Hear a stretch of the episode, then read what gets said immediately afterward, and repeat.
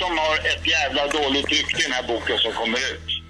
Hösten 2010 är en bok på väg att ges ut som avslöjar kungen och hans vänners hemliga liv.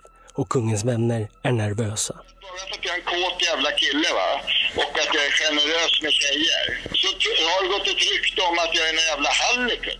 Och kungavännen Christer Gustafsson är besviken över att kvinnorna han har försett kungagänget med nu tycks ha börjat prata. Våra största fiender är tjejer. De har ju fått ett förtroende att vara med på en fest där eh, hans majestät är med va. Men det verkliga problemet är egentligen kungen och hans vänners kopplingar till den undre världen. För den person som Christer pratar med i det här samtalet är den ökände serbiske gangstern Mile Markovic. En person som Christer tidigare hävdat att han inte känner.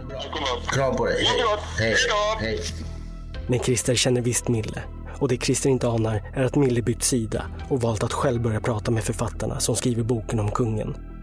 Och de har även suttit med och avlyssnat det här samtalet. Tänker, vad i helvete?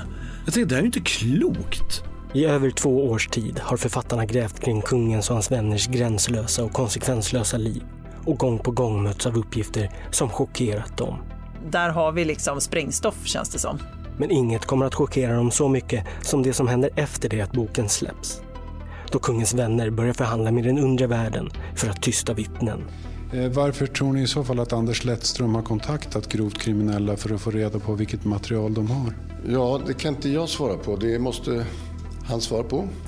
Lyssna på podcasten Motiv om kungaskandalen. En serie i sex delar av mig, Nils Bergman. Premiär onsdagen den 15 december hos Acast eller där du hittar dina poddar. Men han är kungen. En kung gör vad han vill, eller hur? Sen om det sker någonting så finns det folk som tar hand om det som sker.